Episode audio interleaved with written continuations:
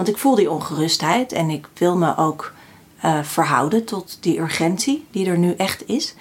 Maar ik wil daarnaast ook me kunnen verhouden tot iets groters. En ik wil niet verliezen in die urgentie. Want ik denk dat het probleem ook een beetje is dat, dat urgentiedenken en die gehaastheid en die stress is natuurlijk ook wat ons in de problemen heeft gebracht. Ja. Want we zijn als mensheid heel erg geneigd tot tunnelvisie. Eh, We zijn ook een soort van die consumptietunnel ingedoken met z'n allen. Ja. En de stresstunnel en de haasttunnel. En ik denk dus dat, dat, ehm, nou, dat het gewoon goed is om daarnaast iets anders te ervaren. Dus daar ook af en toe uit te kunnen stappen. En dat maakt het ook makkelijker, dat heb ik echt gemerkt, om je te verhouden tot mensen die hele andere opvattingen hebben. Wat fijn dat je weer luistert naar een nieuwe aflevering van Klimaattherapie de podcast. In deze aflevering spreek ik theatermaakster, schrijfster, dichter en filosofisch ruimtevaartexpert Marjolein van Heemstra. Al in mijn studententijd bezocht ik haar voorstellingen, waarin ze onderzoekt hoe we anders kunnen nadenken over onszelf en de wereld. De laatste jaren is ze tijdens haar correspondentschap bij de correspondent de ruimte aan het onderzoeken om een nieuw perspectief op de aarde te vinden. Tot welke inzichten dit leidde en hoe dit ons kan helpen bij onze worstelingen van het mens zijn in tijden van klimaatontwrichting, gaan Marjolein en ik het hebben in deze aflevering. Heel veel luisterplezier. Marjolein, welkom. Fijn dat je hier bent. Ja, zeker. Ik begin eigenlijk altijd mijn aflevering met de vraag aan de gast: wie ben je en wat doe je? Ehm, ja, wie ik ben is eigenlijk een hele, hele grote filosofische vraag. Moet je misschien niet stellen aan een filosoof, hè, deze vraag. Ehm, maar ik ben eh, dus Marjolein van Heemstra, eh, schrijver, theatermaker. En ehm, ja, je hebt het zelf net goed geïntroduceerd. En ik ben daarnaast dus ook nog moeder. En ehm, dat vat het een beetje samen. Ja, oké. En je bent dus eh, eigenlijk ook ruimtevaart-expert op dit moment. Ja, een beetje Toch? zelf, eh, zelf ontwikkeld eh, heb ik dat. Ehm, ik ben altijd al heel erg gefascineerd geweest door de ruimte. Maar vooral vanuit... Ja, ik heb godsdienstwetenschappen gestudeerd. Dus ik ben denk ik gefascineerd door dat wat ik niet begrijp. Door de Ja. mysterieën die, die ons omringen. En hoe mensen verklaringen zoeken daarvoor. En de ruimte is natuurlijk zo'n groot mysterie. Want we weten feitelijk heel weinig van het heelal. Wel steeds meer, maar eigenlijk hoe meer we weten... hoe meer we ook erachter komen dat we niet weten. Ja. En ik vind het heel fascinerend dat we in zo'n mysterie eh, bewegen, de hele dag door. Ja. Eh, en ondertussen doen alsof we alles onder controle hebben en begrijpen wie we zijn. ja, ja. Eh, dat is eigenlijk heel, heel interessant aan mensen. Dat we, Ja. dat we kunnen bestaan met dit bewustzijn in zo'n groot niet weten. Ehm, dus dat, dat niet weten van die ruimte, dat fascineerde me. Maar ik vond het jammer dat er altijd, of bijna altijd, over de ruimte wordt geschreven vanuit een beta-perspectief. Dus heel natuurwetenschappelijk, de techniek ehm, en weinig eh, vanuit de poëzie. ja. Dus als je ook in de krant leest over de ruimte, dan gaat het bijna altijd over ehm, nou ja, nieuwe wetenschappelijke onderzoeken, nieuwe missies. Maar het gaat nooit over hoe ongelooflijk poëtisch die ruimte eigenlijk is. Nee. Het staat ook vaak op de wetenschapspagina. En soms, dat vind ik heel grappig, staat het bij buitenland. Zo van, Grappig, dat is het dat is ook buitenland. buitenland. Ja. Ehm, maar het staat nooit bij eh, filosofie. Maar het is natuurlijk eh, bijna, al- nu, zei- nu je het weer zei, denk ik, oh ja, oh, het is inderdaad echt zo groot en zo mysterieus. ja. Maar als je elke dag met dat besef leeft, kan je bijna niet leven. Of tenminste, nee, kan je wel leven, maar het is wel een, een, een, eh, een hele. Dan ben je bijna elke dag geconfronteerd met die mega-vraag. Ja, of, of je, bent, je leeft elke dag in verwondering. En Ja. ik denk dat dat ook wel iets is waar veel mensen naar streven. Ja, en eh, wat veel mensen zoeken op allerlei manieren. En de ruimte is natuurlijk een manier. Je kan het op verschillende manieren ervaren. Maar het is wel een makkelijke manier, want je bent er al. En, en je zit er al middenin. Ja. Dus je hoeft eigenlijk alleen maar te beseffen waar je in zit. Ja. En waar je van gemaakt bent. Dat is dat, eh, ehm, dat idee dat wij eigenlijk een ruimteschip zijn die op, met een enorme snelheid door de Ja, ruimte zoeft. En dus daarom ook goed bestuurd moet worden. En, ja, ja dat is zo'n beroemde uitspraak van eh, Buckminster Fuller. Een eh, architect en eh, grote denker. Die zei, eh, we're all astronauts on Spaceship Earth. En dat Ja. was dus zijn zin. Die is in de loop der jaren natuurlijk heel vaak herhaald. Een beetje grijs gedraaid. Mhm. Maar ik denk wel dat dat een, een cliché is wat het waard is om afgestoft te worden. ja, Eh, omdat het, eh, ja, er zit een hele grote waarheid in. Ja, ja, ja, want daar gaan we het ook even over, ook zeker over hebben. Over dat, nou ja, misschien hoe, hoe hij tot zo'n uitspraak kwam. Maar jij bent dus begonnen met naar het heelal te kijken. Of naar de ruimte te kijken. Ja. Om zo je perspectief op aarde te, vera- niet veranderen, maar een, ja, een, nieuw perspectief. te ja. krijgen. Ja. En vanuit waar, hoe kwam je daar zo bij? Vanuit, vanuit waar ben je dat begonnen? Nou, wat ik net zei, eh, ik miste ten eerste een, een beetje een alfa-kijk op de Mhm. ruimte en de ruimtevaart. En die poëtische kijk. Dus ik dacht, ik, ik, ik heb heel lang heb ik me bezig gehouden met de ruimte. Maar ik durfde er nooit echt iets over te schrijven. Omdat ik dan dacht, ja, ik weet niet hoe zwaartekracht werkt. Ik begrijp die na- natuurwetten Nee. niet. En, eh, ehm, en op een gegeven moment eh, dacht ik, ben hier nu zoveel mee bezig. Ik ga heel vaak naar open dagen van de ESA en zo. Maar als, als wat, weet je, gewoon als geïnteresseerde. Ehm, en toen eh, heb ik de correspondent heb ik contact opgenomen. En zei ik van, hebben jullie- willen jullie niet een correspondent ruimtevaart? Ik dacht, dan word ik ook zelf gedwongen om me daar Ja. echt eh, in te verdiepen. Ja. En dan kan ik ook gewoon eens geld verdienen met iets waar ik eigenlijk al de hele tijd mee bezig ben. Ja, oh, dat wist ik helemaal niet, dat je daar van tevoren al... Ja, nou, dus zo daar, daar, zo begon het eigenlijk. En toen, eh, vanuit dat correspondentschap ben ik toen zo die ruimte ingedoken. Met inderdaad die vraag. Ik was gefascineerd door wat astronauten meemaken als ze naar de aarde kijken. Mhm. Vanuit de ruimte. En dat heet het overzichtseffect. Niet alle astronauten overigens, maar veel wel. Nee? Nee, niet allemaal. Nee, er, zitten ook, er zijn ook gewoon mensen, dat zijn zulke eikels, die zijn immuun voor, Ja. voor alles. Ja, ja, ja. Of ze durven het niet te zeggen, ik weet het niet. Maar ik vond het interessant dat, dat die allemaal toch terugkomen met een, een ander perspectief. En eigenlijk ging dat correspondentschap gelijk op met een periode waarin ik zelf behoorlijke last had van somberheid over de toekomst van de wereld. Ehm, ik beschrijf in mijn boek hoe ik dat eigenlijk ervaar als heel veel gebrokenheid. Ehm, en dat is dan niet alleen natuurlijk de, eh, de gebrokenheid van, van de ecosystemen op zich. Daar, daar gaat natuurlijk van alles verloren nu. Maar ook eh, om me heen. Ik woon hier in een buurt eh, waar gentrificatie een enorm probleem is, Amsterdam-Noord. Ehm, waar je heel veel, ja, gewoon heel veel spanning, heel veel conflict ziet. Heel veel dingen die echt totaal scheef lopen.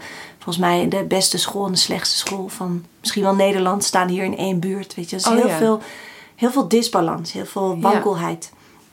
En ehm, ik beschrijf in mijn boek, ehm, leg ik op een gegeven moment de link tussen die ervaring van gebrokenheid en, en een eh, Joodse scheppingsmythe die ik tijdens mijn studie ooit, eh, ehm, waar, we, waar we over hadden. En dat is het idee, heel kort gezegd, dat de schepping begint met een vat vol met licht. Ja. En dat is eigenlijk de adem van God. En dat vat breekt in stukken. En al die stukjes licht die komen terecht in de schepping. Dus eigenlijk is alles is een scherf licht. En ehm, al dat licht heeft verlangen naar elkaar, want ze willen allemaal weer één worden in dat vat. En dat vind ik zo'n mooi idee, dat, dat elk, elke scherf licht, dus elk mens, maar ook elke plant, elke vis, elke, ook stenen zijn in, of, of letters zijn in die mythe ook allemaal scherven licht. Die hebben allemaal verlangen naar elkaar, want ze willen één worden. Ja. En dan is de conclusie van die mythe is eigenlijk, door de gebrokenheid is onze wereld een verlangende wereld. Mhm. En dan dacht oh ja, zo kun je die gebrokenheid ook zien als een soort van... Ja, het is vreselijk, maar het is ook mooi, want daardoor ontstaat het verlangen om te herstellen. Ja, denk je dat, En- dat bij ons allemaal dat verlangen is? Dat wij dat allemaal eigenlijk in ons dragen? Ik denk zeker dat je zou... We dragen allemaal een verlangen in ons naar een soort eenheid. En ik denk dat deze mythe daar een mooi verhaal van heeft gemaakt. Ja. Ik weet niet of we allemaal echt scherven licht zijn, maar ik vind het wel een heel mooi beeld. van- Metaforisch misschien wel. Ja, ja. ja. en dat je toch allemaal verlangt naar een soort grote ja, eenheid, een oceanisch gevoel. Ja. En, en ehm, ik zag op een gegeven moment ehm, weer die foto van de Hubble Ultra Deep Field. Dat is een, een foto die de Hubble-telescoop heeft gemaakt van ongeveer 3000 sterrenstelsels, eh, lichtjaren van ons vandaan. En het is een hele mooie foto, omdat die... Van de aarde of van... Nee, een foto van, van de ruimte. Oh, van de ruimte. Dus je ziet dan 3000 sterrenstelsels. En, en dat lijken allemaal scherven licht. En ik zag die foto en toen moest ik weer aan die Joodse scheppingsmythe denken. Toen dacht ik, oh wat grappig. Dat, dat die foto is bijna één op één vertaling van die, die Hubble eh, van die mythe. Mhm. En ehm, eigenlijk met die foto en dat inzicht van die, die gebrokenheid en dat verlangen naar herstel... eh, begint dan die ruimtereis in mijn boek. En dan ga ik dus langs allerlei plekken en mensen ehm, die mij het gevoel geven dat ik een ruimtevaarder ben op aarde. Ja. En ehm, heel veel van, die, van de dingen die in het boek staan, daar heb ik ooit stukken over geschreven voor de correspondent. Oh ja, ja. Dus ik heb dat uiteindelijk, heb ik daar een boek van gemaakt. En daar heb ik natuurlijk een beetje geschoven met de volgordes en zo. Maar dat correspondentschap ging heel erg gelijk op met die zoektocht van, oh ja, hoe, hoe kun je nou verhouden in deze tijd? Ja. Tot een wereld die eigenlijk uit elkaar lijkt te vallen. Ja, en heeft de ruimte, het naar de ruimte kijken je daar heel erg bij geholpen? Ja, Dus heeft ja. het. Je ging dat natuurlijk doen met, met een, ook een bepaald verlangen, verwachting misschien, wat je zou gaan ondervinden. Ja. En hoe is die reis dan geweest? Heb je, is dat, heeft het ook dat gebracht wat je dacht? Of is het een, Ehm, een te open? Nou, ja, ja, ja en nee, ehm, is dan het saaie antwoord. Want kijk, in zekere zin is natuurlijk, die onrust is er nog steeds. Ehm, de, sinds ik dat boek schreef, ik begon in, met mijn correspondentschap in 2019, ehm, is het er niet per se beter op geworden. Ehm, dus er is nog steeds wel ja, veel ongerustheid en, en ook wel soms somberheid. Als je weer zo'n laatste IPCC-rapport ziet, dan denk je, oh ja, ik ben nu toevallig het boek The Ministry of the Future, heet het geloof ik, aan het lezen. Cool. Van Kim Stanley Robinson. Nou, dat is waanzinnig. Maar dat, gaat, dat speelt over dan een paar decennia. Ja, dan word je ook, denk je ook wel, oh, oh, oh wat, waar gaan we heen? En tegelijkertijd, wat het mij heel erg bracht, dat, ehm, die zoektocht in de ruimte, is een soort eh, relativering. Je gaat natuurlijk ontzettend uitzoomen. En niet alleen in de ruimte, maar ook in de tijd. Want als je de aarde als een planeet bekijkt, dan ja, die is gewoon ontzettend oud. En dan ontkom je er niet aan om eh, te zien hoe kort wij hier eigenlijk pas zijn. Ja. En dat er allerlei veranderingen zijn geweest, allerlei uitstervingsgolven. En dat de maan ooit onderdeel was van de aarde. Dat het losse stukken aarde zijn, die zijn Oh. Ja. Oh, dat is niet. Nou, dat soort dingen helpen wel heel erg om, om op een echt andere manier. Wij kijken eigenlijk de hele tijd naar de aarde door een mensenbril. Mhm. Dus als we het hebben over. Oh, ehm, we, we moeten de planeet redden en zo. Dat, nee, we moeten niet de planeet redden. We hebben het over de menselijke planeet, zeg maar. Ja. We willen onze, de mensheid redden, ja. niet de planeet. Maar toch ook wel, we hebben toch, dat zeggen we toch ook wel vanuit een soort pijn over eh, het verlies van eh, biodiversiteit. Letterlijk. ja, van maar wel het echt, is- eh, zeg maar, empathie met de, even de ijsberen of met Ja. de bo- een boom die gekapt wordt. Ja, zeker. En dus ik, wil- ik wil het ook niet daarmee wegzetten van. Maar het is wel goed, denk ik, om te beseffen dat wij leven nu in een tijd die. ehm, eh, het klimaat is ons heel goed gezind. Dat is niet altijd zo geweest. Er zijn ook ijstijden geweest. Er zijn periodes geweest waarin de aarde helemaal niet als een soort moeder aarde voelde, maar meer als een verwoester waar je Oh ja? tegenop moest nemen. En ik heb een dichtbundel geschreven, twee jaar, vorig jaar kwam die uit. Ehm, en, en daar heb ik ook de monoloog van de kwade alg. Omdat ik op een gegeven moment dacht ik van... Had iedereen het maar over moeder. En er waren- zijn van die t-shirts van... Hè, dit is je moeder of weet ik veel. En denk van ja, het is ook een soort romantisering van de aarde. Want de aarde Ja. is prachtig en waanzinnig. Maar ook hard en genadeloos. Weet je Ja. Er zijn ook natuurlijk me- zoveel mensen verzwolgen door de aarde. En Ja. ehm, En heb je het dan zeker over andere tijden? Zeg maar echt, Ja, echt, over echt, andere tijden, Dat er mensen nog echt niet konden leven bijna zo? Ja, Dat- dat de aarde natuurlijk ook Ja. heel vaak onleefbaar is geweest voor mensen. Ja, daar ben ik niet pas- zo van bewust. Nee, maar, de, Nee. zeg maar de, de, de luxe die we nu hebben qua klimaat, is, die is, ja, dat verandert gewoon de hele tijd. Ja. Wij zitten nu toevallig in een heel prettig, voor mensen heel prettig klimaat. En daardoor, misschien is het ook wel zo... Is het ook dat daardoor... Dat we de mensheid zo groot is geworden qua aantallen? Nou, dat Dan? heeft natuurlijk allerlei redenen, maar de, het klimaat helpt daar wel bij. Ja. En ehm, ik denk dat we soms vergeten dat de aarde meer is dan wat ze de afgelopen paar duizend jaar is geweest Ja. voor ons. En dat is natuurlijk niet gezegd dan. Ik vind het afschuwelijk hoe we nu met die aarde omgaan. En het is natuurlijk ongelooflijk zonde dat we iets. We, we hebben dus iets geweldigs gekregen. Deze temperaturen, deze waanzinnige biodiversiteit. Maar ehm, ja, er is gewoon. Dit is wel vaker gebeurd. Ja. En dat helpt wel, dat relativeren. Het maakt het niet minder erg, maar het geeft wel een soort ruimte in je denken. Dat je ook kan, ja.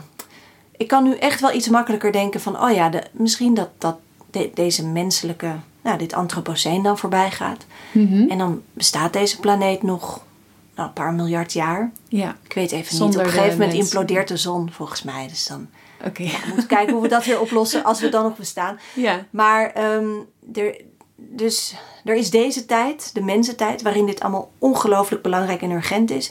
En naast die urgentie is er nog een andere tijd, een soort kosmologische tijd. Waarin de dingen gewoon gebeuren. Ja, alleen ik zou het zo jammer vinden als mensen dit dan aangrijpen. Want ik ken iemand anders die dit ook tegen mij is, die dit argument aangrijpt om te zeggen: dus het maakt niet echt uit. Soort van. Ja. Dus te, te je kan het ook te veel relativeren. En denken, ja, zo ben je het. We leven in een consumptiemaatschappij. En ik wil gewoon nu eh, zoveel mogelijk kleding kopen bij de H&M. Het maakt Ja. niet uit wat er... Ja. Ook, het gaat ook over klimaatrechtvaardigheid. Over dat er mensen zijn die hieronder lijden. Ja. En over... Zeg maar, dus ik vind het wel een prettig idee om zo uit te zoomen. Ja. Maar ik wil het ook niet... Nou, ja, misschien snap zit ik dan ik. nog te veel in deze sfeer van... We gotta protect Mother Earth because Nee, maar she's volgens mij- us. Maar Ja, maar ik denk niet dat, dat je daar te veel in kan zitten. Want, maar ik denk dat, het, dat je en-en moet denken. ja. En niet of-of. Ja. En ik denk dat het probleem van deze tijd een beetje is dat we de hele tijd of denken. Of je bent dat, of je bent dat. En Mhm. Ja. je mag niet allebei zijn. Dat kan niet. Ja, daar krijg je die verdeeldheid ook Ja. van. Eigenlijk ook. Ja. Ook over de. Nou, we hebben het heel even over, over antivax en over Mhm. eh, pro-vaccinatie hebben we heel kort even gehad voor, de, voor de uitzending. uitzending. Ehm, dat of-of denken, dat, dat is ook wat, die, wat, je in, wat in de buurt gebeurt. Ja. En wat er die gebrokenheid veroorzaakt. Ja, ja. En als je dus meer kan, ehm, ja, ik weet het ook niet zo goed, het is best lastig, maar kan schakelen tussen enerzijds, want ik voel die ongerustheid en ik wil me ook eh, verhouden tot die urgentie die er nu echt is. Mhm. Maar ik wil daarnaast ook ehm, me kunnen verhouden tot iets groters. En ik wil niet verliezen in die urgentie. Want ik denk dat het probleem ook een beetje is dat, dat urgentiedenken en die gehaastheid en die stress is natuurlijk ook wat ons in de problemen heeft gebracht. Ja. Want we zijn als mensheid heel erg geneigd tot tunnelvisie. En daar, daar hebben Ja. we ook last van. En dan gaan we dus ook allemaal zo ja, in, in zo'n tunnel. eh, eh, we zijn ook een soort van die consumptietunnel ingedoken met z'n allen. Ja. En de stresstunnel en de haasttunnel. En, de, en ik denk dus dat, dat, ehm, nou, dat het gewoon goed is om daarnaast iets anders te ervaren. Ja. En te voelen en daar, dus daar ook af en toe uit te kunnen stappen. En dat maakt het ook makkelijker, dat heb ik echt gemerkt, om je te verhouden tot mensen die hele andere opvattingen hebben. Ja. Omdat Hoe, ik eh, toch- dan? Ja, omdat ik denk van dat ze. eh, Zo iemand als jij nu net noemt, ik ben het daar niet mee eens. Want ik geloof dat, je, dat het allebei nodig is. Maar ik snap dat dus wel beter. Ja. Omdat ik dat ook ervaar. Ik denk alleen dat dat de helft van het verhaal is dan. Ja. ja, je schreef ook ergens dat in diepere tijdlagen kunnen denken ehm, ook nodig is om nou ja, hier uit te komen. Uit deze tijd van klimaatontwrichting is misschien dus iets wat je ook loslaat. Of, of we eruit gaan komen. Maar dat dat echt nodig is in deze tijd. Ja, omdat het je ook helpt om een lange termijn visie te ontwikkelen.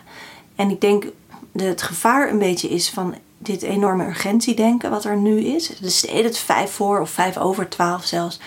Dat je eh, de lange termijn uit het oog verliest. En dat je dus ook steeds maar in oplossingen gaat denken voor... Nou ja, je loopt eigenlijk steeds achter de feiten aan. En ehm, een stap achteruit zetten en denken van oké, de komende nou, 3000 jaar of zo, wat zien we voor ons? Dat kan natuurlijk wel helpen om, om een heel ander soort bewegingen te gaan maken. Ja, ja daar denken we denken we niet vaak over na. Nee, we denken eigenlijk niet eens een eeuw vooruit. Nee. En dat is wel, ehm, je hebt in verschillende culturen dat zeven generaties Ja. principe. Ja, daar heb ik wel, eh, dat ja, ik wel. nou ja, dat is natuurlijk heel interessant, want dan heb je alweer een, een enorme, veel grotere tijd. Ja, dan ga je ook beter met de aarde om. Als je vanuit die zeven generaties, dan denk je, wel. alles wat ik nu, als ik nu deze boom kap, hebben mijn kinderen dan straks nog schaduw. Of ja, ik zeg maar even, als je echt wel even klein stuk pakt. Ja, en het, het kan namelijk ook zo zijn dat door dat urgentiedenken dat je heel erg in je dat je het heel klein maakt. Dus dat je al je eigen beslissingen gaat eh, cureren, zeg maar. Is deze beslissing, doe ik nu het goede? Eet ik eh, biefstuk of eet ik avocado? Maar dat je eh, sommige van die kleine beslissingen zijn helemaal niet per se beter voor het grotere geheel. Nee? En soms zijn natuurlijk ook dingen. ehm, ja, ik kan nu even niet zo snel voorbeelden komen. Maar het is natuurlijk niet zo dat wij in ons eentje, in ons eigen kleine leven, dat probleem gaan oplossen. En soms is het beter om politieke actie te voeren op de lange termijn. Of, of om eh, nou ja, gewoon beweging op de lange termijn te supporten. Ja. heeft veel meer zin. Kan je beter daar je energie aan geven dan Ja. Eh, heel erg gaan nadenken over of je nou wel of niet die duurzame schoenen. Of, Ja, ja. ja, ik heb wel het idee dat we dat wel nu meer aan het zien zijn. Of dat het beter milieu begint bij jezelf. is natuurlijk heel lang de, de, Ja. de, de, de leus geweest. Maar daar zit nu, heb ik het idee dat iedereen daar nu van af aan het stappen is. Ja. Want dat, is, dat was dus niet waar. Daarmee hebben ze ons... Daarmee zijn de systemen in stand Ja. blijven... eh, in stand gebleven. Ja. Die ons in deze shit, zeg maar, hebben geholpen. Ja, nou en dat is het ook vooral. Het is, het is denk ik, als je uit het systeem wil komen, moet je echt een stap achteruit zetten. Moet je echt een beetje uitzoomen om het Ja. überhaupt te kunnen zien Ja. waar je in zit. Ja. En dat, dat, dat kan eigenlijk niet als je steeds eh, in een gevoel van urgentie zit. Want dat slokt namelijk je hele denken op. Ja. Ja. Dus je moet volgens mij af en toe loskomen daarvan. Ja. En hoe, ja, en hoe kan je dat dan doen? Hmm. Nou, ik heb, mij hielp het heel erg om zo bezig te zijn met het heelal. Ja. Om bezig te zijn met, ehm, met al het onderzoek naar het heelal. Na te denken over eh, deep space missies. Die, hè, die echt zo, ja, nou, sommige heel lang gaan duren. Ja. Nadenken over hoe we eventueel een interplanetaire soort zouden worden of niet. Ik bedoel, ik zeg Oh ja, allemaal niet dat het moet ja. gebeuren. Maar ehm, het zijn wel denkprocessen die ergens anders over gaan dan over ehm, wat er het komende jaar Ja. op het spel Ja, staat. daar kan het overzichtseffect wat de astronautenervaring ook heel erg bij helpen. Ja. En we- denk je dat alle luisteraars weten wat dat is? Het, het overzichtseffect? Weet ik niet. Ik kan het Ja. heel kort samenvatten. Het is eigenlijk wat astronauten ervaren als ze vanuit de ruimte naar de aarde kijken. Ehm, en ik denk dat je het kan samenvatten als, ehm, als heelheid. Mhm. Dus ze zien eigenlijk heelheid. Dus je ziet hoe die hele planeet als een soort klein organisme in de ruimte hangt. Dus het is gewoon eigenlijk één dier. Ehm, en wij zitten daar allemaal op als Ja. als eencellige, Vrienden, zeg ja. maar, in dat dier. Maar je ziet dus, je, je wordt in één oogopslag zo geconfronteerd met de, ja, met de, met de onverdeeldheid van de aarde. Waardoor bijvoorbeeld dingen als grenzen ehm, ook heel eh, arbitrair worden. Omdat je gewoon ziet dat het, die zijn er gewoon Die zijn echt bedacht door mensen. Ja, dat En- zijn onze verhalen. Ja. En wij leven natuurlijk heel erg in die verhalen. Ehm, en, en het is moeilijk om uit die verhalen te stappen. Dus daar gaat dat uitzoomen ook over. Dat je uit die Ja. verhalen stapt. En veel van die astronauten komen ook terug met een gevoel van hè, iets willen bijdragen. Worden ambassadeurs voor iets. Of, ja, mooi is dat. Wereld dat- dat- eh, ja, en dat, dat is mooi. Ik denk wel dat het, dat het niet een oplossing is voor alles. Want ik denk ook dat de ruimtevaart is ook een verhaal. Is, zit ook in een systeem. Ehm, gaat heel vaak over landsgrenzen. Gaat heel vaak over Het is ook een soort battle, toch? Nu, de hele tijd. Van Inmiddels het is het, eerst. ja, en, inmiddels is het natuurlijk heel een, een kapitalistische battle Ja. geworden tussen de, de grote verdieners, eh, Ja. Bezos en Musk en Branson. Ja. Dus ehm, Die het ook hebben over de ruimte koloniseren. zeker. Waarvan ik zeg Ja. maar, mijn vorige aflevering ging eigenlijk over dat de, de klimaatcrisis een, een koloniaal probleem is met decoloniale antwoorden. Mhm.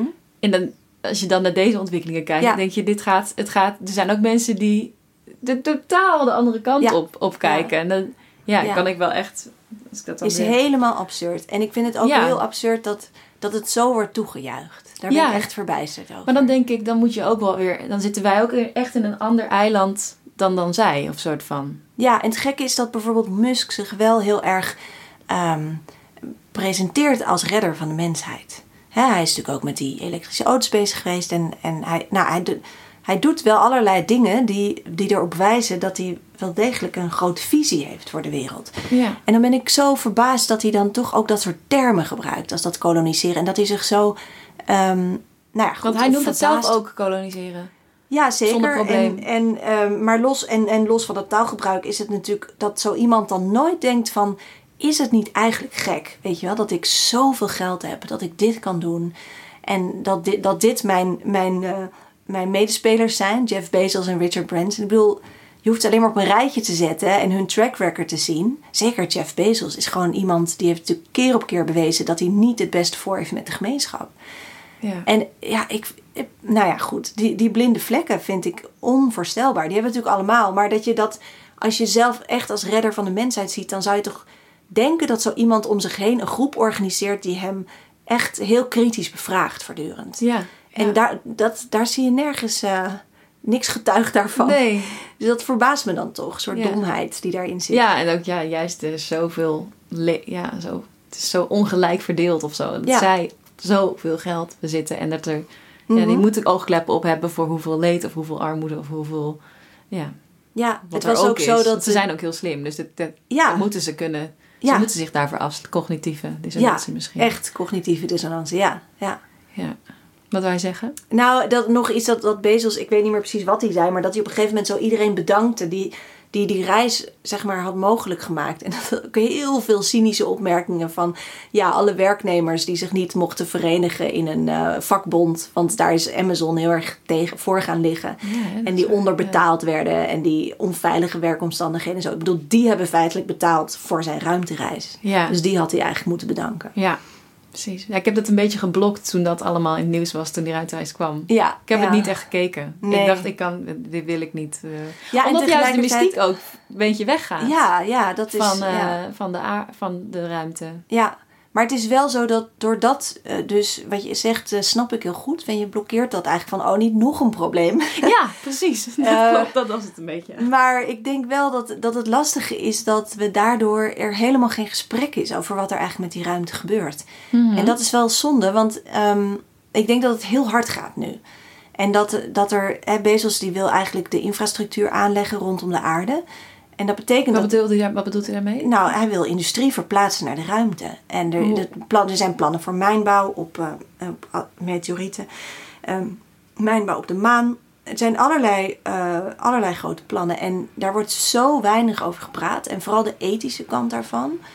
Dat, dat er, ja, er is gewoon geen gesprek over. Dus Ja, dat ja, dan gebeurt het gewoon. Ja. Zo gaat dat nou eenmaal. Zo is natuurlijk toen, zo is de aarde ook zeg maar een, een Ja. grote industriële werkplaats geworden. Ja, Omdat die gesprekken niet niet gevoerd nee, werden. terwijl ze En- toen echt al wisten ook van kunnen we dit eigenlijk wel doen, wat is het effect? Ja, ja. Dus ik denk toch dat het belangrijk is dat mensen om te beginnen zich daar meer bewust van zijn. Dat ja. als het zo doorgaat dat de maan over 20 jaar niet meer van ons allemaal is. ja. En dat is best een groot verlies, vind ik. zeker, zeker, eh, ja. Als je juist ook kijkt over die, over die hele tijd. Ja, Dat je denkt, Ja. en dan le- leef ik, nu, leef ik nu precies op het moment dat de Ja, maan niet meer... hebben niet wij meer weer. Ja, precies. En heb jij dan, omdat je dit, eh, dat jij wel zo over deze dingen nadenkt... en om je heen ziet dat dat niet altijd gebeurt... niet soms een heel alleen gevoel of een soort van... eh, The weight of the world on your shoulders? Nee hoor, want dan zou ik mezelf veel te belangrijk maken. Oh ja. Ik denk dat er zijn echt wel meer mensen die erover nadenken natuurlijk. En ook Mhm. als je er eenmaal induikt, dan vind je ook altijd meer mensen die erover nadenken. Want dan opent zich ineens een hele wereld van ruimtevaart ethici, die wel degelijk bestaan. Alleen kent niemand ze. Het valt me dus wel op hoe weinig er wordt nagedacht. Zeker bij die grote ruimtevaartorganisaties. Maar nee, juist eigenlijk dat hele kosmologische bewustzijn waar ik aan heb gewerkt de afgelopen twee jaar heeft me bevrijd van dat gevoel. Oh, wat Dat ik heerlijk. the weight of the world. Ja, want En, ja. zo belangrijk ben ik niet. Niemand is zo belangrijk. Hmm. En we zijn. Het, het fijne aan zo met de kosmos bezig zijn is dat je enerzijds. Dus ben je heel nietig. Eh, waardoor je echt dat kan loslaten. Van ja, weet je, wat doet het ertoe? En tegelijkertijd word je heel belangrijk, maar op een andere manier. Want voor zover we weten zijn wij de enige. In een, in een omtrek van, nou, een hele wijde omtrek. Het enige soort bewustzijn ehm, dat er bestaat. Eh, of het enige van dit soort. En, en dat maakt ons dan weer heel erg bijzonder natuurlijk. Ja. Wij zijn de enigen die op die manier terugkijken naar het heelal. Die ons op die manier verhouden. Dus dat bewustzijn wordt heel belangrijk. Maar als je het dan weer bekijkt vanuit die, dat astronautenperspectief... dan is het niet alleen mijn bewustzijn, maar dan is het een gedeeld bewustzijn. Ja. Dan is er eigenlijk alleen maar die ja, verstrengeling van leven... waar je onderdeel van bent. ja. En, dat, kan, dat kan dat gewicht eigenlijk weghalen. Ja, en dat haalt niet je individuele verantwoordelijkheid weg. Nee, denk ik. nee. Want dat blijft. Want dat is nou eenmaal als mens heb je denk ik die taak. Hè? Je, we hebben allemaal, of ja, het grootste deel van ons heeft gekozen voor mensenrechten, voor een bepaald soort geloof in rechtvaardigheid. Daar zijn we al heel lang mee bezig als mensheid. Dat vind ik ook heel mooi dat we dat nog steeds dragen, ondanks alles wat er gebeurt. En dat iets in ons heel hoopvol is, klaarblijkelijk. Want Ja. Ehm, ja, daar gaat heel veel mis. gaat ook heel veel goed. Ehm, er zijn allerlei mensen lopen de hele tijd langs elkaar zonder elkaar te vermoorden. Dat is best wel... Ja, dat had Ja, ook heel anders gekund. mensen, ja.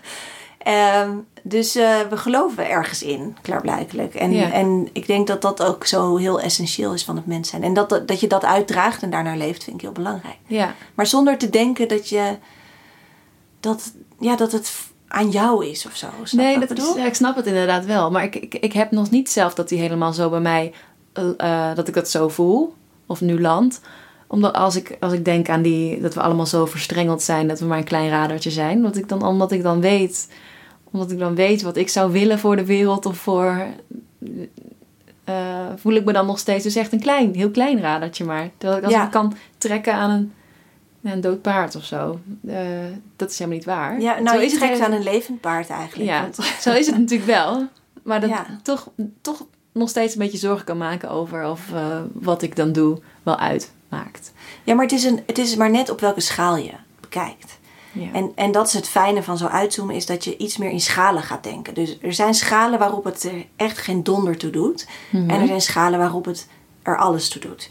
En op individueel niveau, als je het hebt over een bepaald leven vanuit een bepaalde overtuiging, vanuit een gevoel van rechtvaardigheid, waar je natuurlijk elke dag in faalt, maar toch elke dag probeer je het weer. Eh, op individueel niveau, als je bekijkt op de schaal van jouw lichaam, wat ook een schaal is, is dat het, van het grootste belang. ja. Ehm, maar er zijn gewoon verschillende schalen. En de schaal van jouw lichaam, waarin dat dus op, het- van het grootste belang is, is niet de schaal van de planeet. En Nee. al helemaal niet de schaal van het zonnestelsel. En al helemaal niet van de Melkweg. Of Ja. van het supercluster waar we in zitten. Dus het is, een, het is een kwestie van schalen. En ik denk dat het belangrijk is om steeds te snappen van... oh ja, op welke schaal praten we nu? Ja. En, en heb je het op een schaal van, van jezelf of je familie of je, je omgeving... of de schaal van een land of een samenleving... Of, Ja. nou, enzovoort. En, en dan kan je ook gaan denken van... oh ja, op de ene schaal is één tijdspanne van belang... en dan heb je andere, op een andere schaal kun je misschien een andere tijdspanne denken. Ja. En je leeft in al die schalen tegelijk. Ja. Je bent ook gewoon kosmisch materiaal... wat waarschijnlijk nog een paar miljard jaar meegaat... in een andere vorm. Oh ja. Dus de bouwstenen zijn. van jouw Ja. lichaam komen uit een, een, een ster ergens lichtjaren Ja. van ons vandaan. Mega. Dat, dat, dat besef dan. Dat we dan toch ook allemaal zielen zijn hier op aarde. Soort van gemaakt uit die, Ja, uit, uit dat die materiaal. stof. Maar dat we wel met steeds meer zijn. Wat, ik word er even heel, krijg een heel soort spiritueel moment van. van wauw, hoe dan? Ja. Dat mysterieuze. Ja. Ja, grappig. Ja, wel leuk. En eh, jij bent ook heel erg bezig met, eh, misschien ook wel door de uitdenken in die tijdslagen, met meer juist adaptatie of acceptatie. Ja. Toch? In Ja. plaats van alleen maar die urgentie voelen en heel erg vechten tegen of de weg hieruit vinden. Ja. Eh, met leren leven in deze wereld zoals die nu is. En Ja. een nachtwandeling maak je dan Ja. daarvoor, toch? Of Ja, wil je daar iets meer over vertellen, over waarom je dat doet en wat je dan precies doet? Ja, ehm, het begon eigenlijk tijdens het schrijven van mijn boek dat ik erachter kwam eh, hoe weinig sterren je ziet in Nederland. Want ik ging natuurlijk omhoog kijken van, nou, kosmologisch bewustzijn begint misschien wel met gewoon omhoog kijken. Ik wist wel dat je weinig sterren zag hier, maar als je dan echt erover na gaat denken hoe dat komt en hoe weinig eigenlijk, ehm, daar schrok ik wel van. Dat Nederland echt een van de meest lichtvervuilde landen ter wereld is. En dat we hier eigenlijk bijna geen duisternis kennen. Dus er zijn twee dark sky parks. Maar Wat, zijn, wat is dat? Dark Sky eh, Park? ja, dat is een plek waar, dus, waar je echt nog heel veel sterren ziet. En waar er heel actief lichtvervuiling wordt tegengegaan. En dat is in Nederland, heb je dat? Ja, dus bij Lauwersoog en Terschelling. Oh ja. mij. En dan kan je eigenlijk door zo'n klein plekje in Nederland, als ik boven Nederland hang en ik maak een cirkeltje waarin dus even Ja. thuis, kan je vanuit daar kan je eigenlijk door een soort tunneltje naar daar. Is dat dan? Ja, en zie je meer. Ik moet zeggen dat, dat ehm, omdat Nederland zo eh, vlak is en we hebben heel veel water en heel dicht bevolkt, is er nergens meer echte duisternis. Dus echt, even tussen haakjes, maar de duisternis zoals die er was voor lichtvervuiling. Ja. Ehm, die bestaat niet meer in Nederland, maar in Europa sowieso bijna niet meer. Er zijn wel wat plekken. Eh, maar, maar in die Dark Sky Parks kan je wel behoorlijk veel zien. Dus nou, dat is mooi dat we die hebben in zo'n dichtbevolkt land. Maar het is natuurlijk heel treurig dat, ehm, nou, we zitten nu in Amsterdam. Dat Amsterdam afgelopen decennia gewoon een stad zonder sterren is geworden. Vind ik zo'n gek idee. Jij zei net van dan leven wij in een tijd dat de maan wordt opgedeeld. Maar dat idee dat wij dus in een tijd leven. Mensen hebben sinds het begin van de mensheid waarschijnlijk omhoog gekeken. En hebben die sterren gezien. Het is de bron van onze wetenschap, van verhalen. Sterrenbeelden zijn eigenlijk de oudste verhalen van de mensheid. Waar we nog steeds naar kunnen kijken. Dus het verbindt ons met het verleden. Met ons eigen verleden. Met het kosmische verleden. Want veel van die sterren zijn al overleden. Dus je kijkt eigenlijk terug de tijd in. Ehm, al die dingen zijn denk ik op spiritueel niveau heel belangrijk voor de mensheid. Zijn in ieder geval altijd heel belangrijk geweest. En in een paar decennia is het gewoon weg. Ja. Gewoon verdwenen uit ons leven. Dat is absurd. Ja. Dat vind ik zo raar om daarover na te denken. Ja, dat denk- misschien hadden mensen hiervoor veel meer kosmologisch bewustzijn dan, dan wij. ja, dat dat moet, dat moet wel bijna, denk ik. Ja. ja ik kijk. En het heeft dus ook heel veel, eh, tot heel veel geleid. Want die sterren, hè, ze- daar gingen ze patronen zien. Gingen ze begrijpen van, oh wacht, we zitten ergens in. En hoe beweegt dit? En, Mhm. Nou, dat zien we allemaal niet meer. We zien verder dan ooit in het heelal met de telescopen. Maar zelf zien we dat heelal niet meer. En, ehm, en toen, ehm, nou, aan het einde van het boek... eh, ik eindig eigenlijk met het voornemen om een nachtwacht op te richten. Om dus mensen meer ja, die liefde voor de nachtelijke duisternis mee te geven. Mhm. En ik snap dat verlichting heel belangrijk is. ehm, omdat, ja, gewoon veiligheid en gemak. Maar zo, de manier waarop wij nu verlichten is gewoon absurd. Is veel te veel. Eh, het, is heel verkwistend. Het is heel slecht voor het ecosysteem. Oh ja. Er zijn heel veel dieren die er, nog, ja. door sneuvelen. De grote insectensterfte van nu is deels te wijd aan lichtvervuiling. En dan gewoon de, de straatlantaarns, Ja. de, de, de billboards. Sportvelden, de kassen. Oh ja, eh, ja. ja. En die, blijven, die insecten blijven cirkelen rond zo'n lantaarnpaal... tot ze gewoon of dood neervallen of uit de lucht worden geplukt door vleermuizen. Oh ja. Maar je hebt ook vleermuizen die er veel last van hebben. Hangt van de soorten, vogels, van alles. En wereldwijd allerlei dieren hebben er heel veel last van. En wij zelf ook. Er zijn steeds meer onderzoeken die aanwijzingen geven... dat eh, allerlei ziektes mede worden veroorzaakt... door die, dat bioritme dat zo verstoord wordt. Mhm. Omdat we gewoon geen duisternis meer hebben. Ja. ja, je hele Dus- slaap, je eigen biologische klok is Ja. daar volledig aan, Ja, eh, volledig op ingesteld, dan, Ja, toch? ja. En ehm, nou goed, dan ehm, eh, zijn dus allerlei redenen om die duisternis te omarmen. Maar wat ik zelf merkte, ook, ik begon dan met nachtwandelingen met hele kleine groepjes. Hier in de buurt is toevallig een hele donkere plek, het Vliegenbos. Ehm, en eh, een van de donkerste plekken van de stad. En verderop helemaal, daar heb je het Rietland. Maar daar willen ze nu dus eh, een ehm, fietspad met lantaarnpalen doorheen eh, leggen. Mm. Wat ik echt afschuwelijk vind. Want je kan op heel veel manieren fietsen daar. Dus het is niet noodzakelijk. Maar goed, de gemeente is hier bijzonder ongevoelig voor. Duisternis is natuurlijk niet iemand, iets wat je graag omarmt als politicus. Nee. Geen populair Nee, nee. onderwerp. Ook niet in je leven, maar Ook niet in je leven. Nee. Maar ik denk dus ook dat, dat al die duisternis wegblazen, letterlijk, dat het ook iets doet met een onvermogen om met duisternis om te gaan zelf of zo. Als Mhm. cultuur. Als, En bedoel je nu duisternis in de letterlijke zin van de afwezigheid van licht? Of dan ook, Ja, ik en je bedoel bedoelt eigenlijk ook echt donkerte in... donkerte in jezelf. Ik bedoel een soort sterven. Wij zijn heel slecht in sterven. Hè? Eh, we hebben een samenleving die gericht is op leven. Dus alles gaat over vitaliteit, over jeugd, over bevestiging van je bestaan eigenlijk. Steeds dingen kopen gaat ook over ik bevestig dat ik besta, want ik heb dit en ik heb nog meer en ik kijk wat ik heb en wat ik ben. Ja. En eigenlijk is ehm, niet consumeren is ook een soort niet aanwezig zijn. Is een soort ja, dat we hebben geleerd. Ja. Ja. maar dat kunnen we helemaal niet. We kunnen gewoon eigenlijk heel slecht sterven. We kunnen ook helemaal niet oud worden. Het zit er gewoon niet meer in. Nee, En- willen we niet. Ehm, en ik bedoel sterven niet letterlijk doodgaan. Hè? Ik bedoel gewoon sterven als in het tegenhanger van Ja, leven. Je hebt gewoon twee, twee energieën. En die moeten denk Ja. ik in balans zijn. ja. Een soort yin-yang idee. En ehm, ik had zelf het gevoel, toen ik die nachtwandeling begon te maken, dat ik ehm, ineens... Het is daar echt heel donker. Echt, je, je zou niet verwachten dat je in de stad zoiets donkers vindt. Je ziet geen hand voor ogen op een heldere avond zonder maan. En ineens had ik het gevoel dat ik zo dicht bij de wereld was. Dat ik dacht, hè? Alles is weg. En ik zit ineens alsof ik bijna een soort, ja, zo op de polslag of zo van de wereld zat. Dat ik dacht, ah, dit is deze tijd.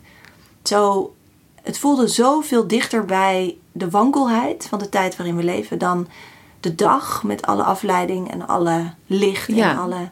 Alsof je het leven zelf, dichter bij het leven zelf even zit. Of bij de... Ja, of vooral, ik had zo'n gevoel dat ik heel erg was waar ik was.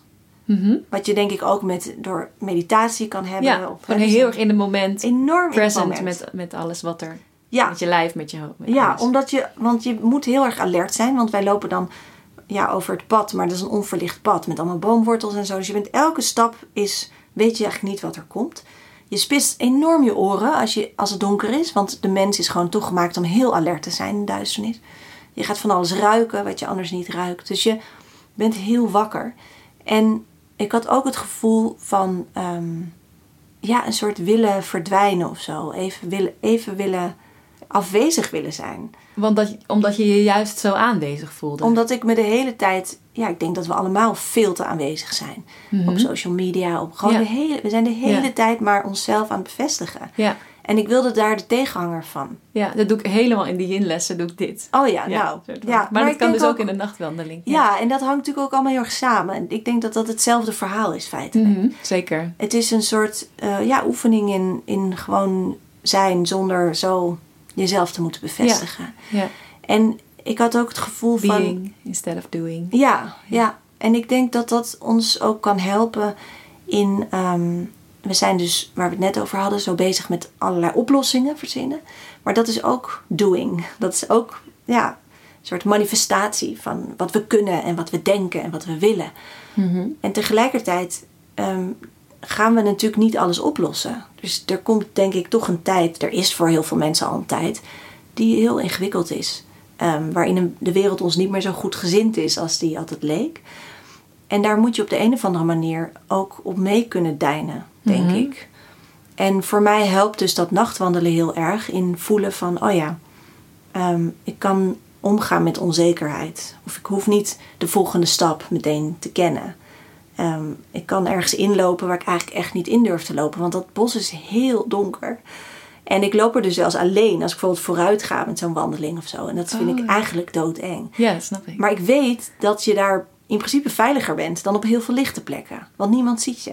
ja. Dus als je Tenzij stil er bent... iets in on, on, on- onverwacht hoekje zit, natuurlijk. Ja, maar zelfs dan ehm, ben je, als het echt donker is, ben je, ben je nauwelijks zichtbaar. Oh ja, Dus zelf ook je, natuurlijk. je bent ja. zelf ook niet zichtbaar. Ja. Dus je ziet niet wat er is, maar je bent zelf ben je er ook niet. Dus in principe, we zijn, en zeker vrouwen zijn zo getraind om bang te zijn voor het donker. Hè? Mhm. En dat is deels, eh, is dat heel realistisch. En, maar het is deels ook natuurlijk gewoon om ons ergens van weg te houden, denk Ja. ik. ja. Het is ook een heel cultureel, eh, culturele beweging. Er zijn tijden geweest waarin vrouwen wettelijk niet naar buiten mochten in het donker. Om ze gewoon binnen te houden. En om ze niet op ideeën te brengen. En, eh, en de hele heksenbeweging speelde zich natuurlijk ook grotendeels af in het donker. Ja. En die zijn ook grotendeels verbrand. En dus eh, er, nou, er spelen zoveel dingen mee als je het hebt over duisternis. En ik vind het zelf dus heel interessant om te voelen dat ik daar, ja, wat ik net zei, zo een beetje, ja, me veel dichter bij de wereld voel zoals die nu is. Mhm. Ja. En die wankelheid en die gebrokenheid, die we allemaal wel, denk ik, ergens ervaren, die wordt toch steeds door de dag heen wordt die, wordt die gemaskeerd eigenlijk. Ja.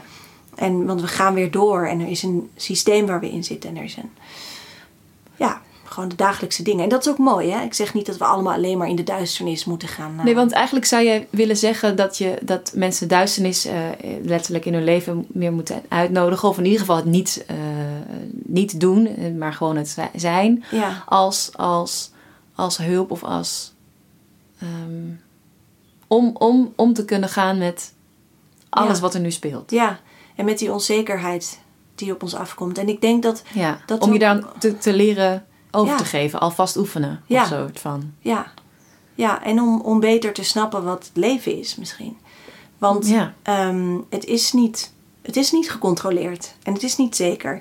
En we zijn dat wel gaan geloven door de manier waarop we leven. En, ehm, en dat is natuurlijk heel. We zitten in een enorme bevoorrechte positie wat dat betreft. En ik denk dat heel veel weerstand tegen klimaatacties en dat soort dingen, dat dat ook komt omdat mensen het gewoon heel eng vinden. Dat, je wilt dat niet horen. Zeker, Je ja. wil niet horen dat alles onzeker wordt en slechter. En Ja, maar als je eh, beter zou leren omgaan met die angst, zou je misschien ook makkelijker kunnen luisteren naar zo'n verhaal. ja, ja. Dus ik denk dat, ja, dat daar wel veel kan beginnen. Met het donker ingaan. En Ja, je hoeft mooi. niet het donker in te gaan met een boodschap van nu ga jij een les in onzekerheid krijgen. Maar dat gebeurt vanzelf. Ja. Cool. Ik denk dat er wel me- meerdere manieren kunnen zijn om dit te doen. Maar het lijkt me heel leuk om een keer een nachtwandeling mee te maken. Ja, Om eh, dat eh, zo te ervaren. Ik heb er Ja. nog nooit echt over nagedacht dat dat, dat, dat zo'n effect zou kunnen hebben. Om Ja. in het donker te zijn. ja. Eh, Ja, Ja. Mijn, mijn droom is eigenlijk dat mensen dat zelf gaan organiseren. En dan moet je natuurlijk, want ik neem dan steeds 15 mensen mee of zo. Dat is heel weinig. Ze zitten eigenlijk steeds meteen vol. Ehm, en ook omdat je wil de nacht niet veel verstoren. Dus je wil niet met Ja. honderden mensen Nee, daar. precies. doorheen banjeren. Ja. Maar je kunt natuurlijk als je weet van, oh ja, wel, je moet niet in een broedtijd en weet je wel. Ja. Je kunt wel momenten uitzoeken waarop je dat ehm, eh, georganiseerd kan doen. En dan bijvoorbeeld waar jij vandaan komt, eh, Mhm. kan je heel mooi eh, s s'nachts wandelen. Ja, ja. Zou je voor de luisteraars, dat is eh, bij Veenendaal in het bos. Daar heb je een groot bos waar je kan... eh, Maar ik zou dat dus, ja, ik zou dat eh, bijna denken, oh, maar dat mag toch niet? Of dat is toch inappropriate? Om dan daar te, of dat is toch, mag, mag je daar gewoon komen s'nachts? Dat heb ik helemaal nee, nou dat mag dus ook eigenlijk niet. Oh, dat mag ook niet. Nee, het interessante is dat in Nederland zijn eigenlijk alle natuurgebieden gesloten na zonsondergang. Ja, Wat heel begrijpelijk is, maar ook een beetje gek, omdat wij zijn bijna het enige land waar niemand ooit de duisternis ingaat. Waardoor we ook geen idee hebben. nee. Maar je kunt denk ik wel eh, eh, in overleg met een natuurbeheerder, kun je natuurlijk wel zeggen, als het om, om deze reden is, van we willen eigenlijk die duisternis meer gaan leren waarderen, ja. dan weet ik zeker dat er allerlei mogelijkheden zijn om dat gecontroleerd te doen.